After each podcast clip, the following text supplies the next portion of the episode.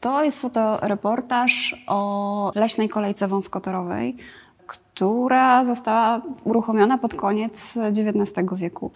Dlatego bardzo zwrócił moją uwagę ten fotoreportaż, że kilka lat temu również pracowałam nad reportażem i fotoreportażem razem z moim kolegą fotografem o innej kolejce wąskotorowej, ale o bardzo podobnej historii, ogólnośląskiej e, kolejce wąskotorowej.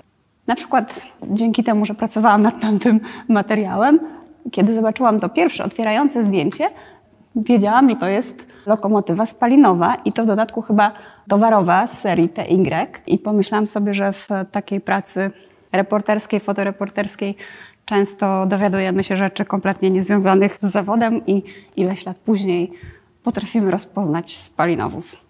Ta kolejka po II wojnie światowej przeszła pod zarząd lasów państwowych i służyła głównie do przewożenia drewna do przedsiębiorstwa drzewnego w Robczycy, ale na tych zdjęciach można zobaczyć, że w tym rejonie Cisnej, gdzie nie było kolei żadnej innej pasażerskiej, ona była wykorzystywana w takich bardzo codziennych sprawach.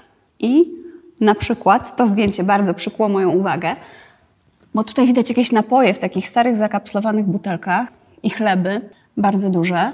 To znaczy, że ludzie wykorzystywali ją nie tylko do przewozu tego drewna, czy do przewozów pasażerskich. Tu widać w ogóle chłopca z tornistrem, więc podejrzewam, że on dojeżdżał też do szkoły taką wąskotorową kolejką.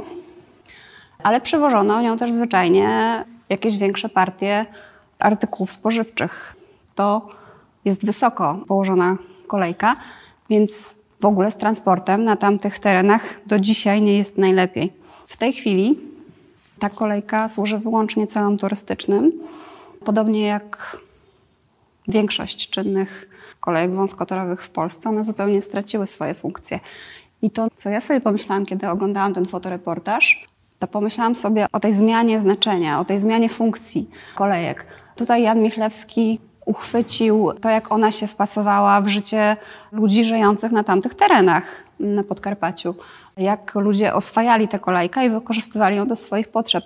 A w tej chwili kolejki wąskotorowe w Polsce są zarządzane przez stowarzyszenia, przez pasjonatów, którzy sami siedzą w jakichś warsztatach i dłubią i odnawiają nawet tak stare parowozy jak ten.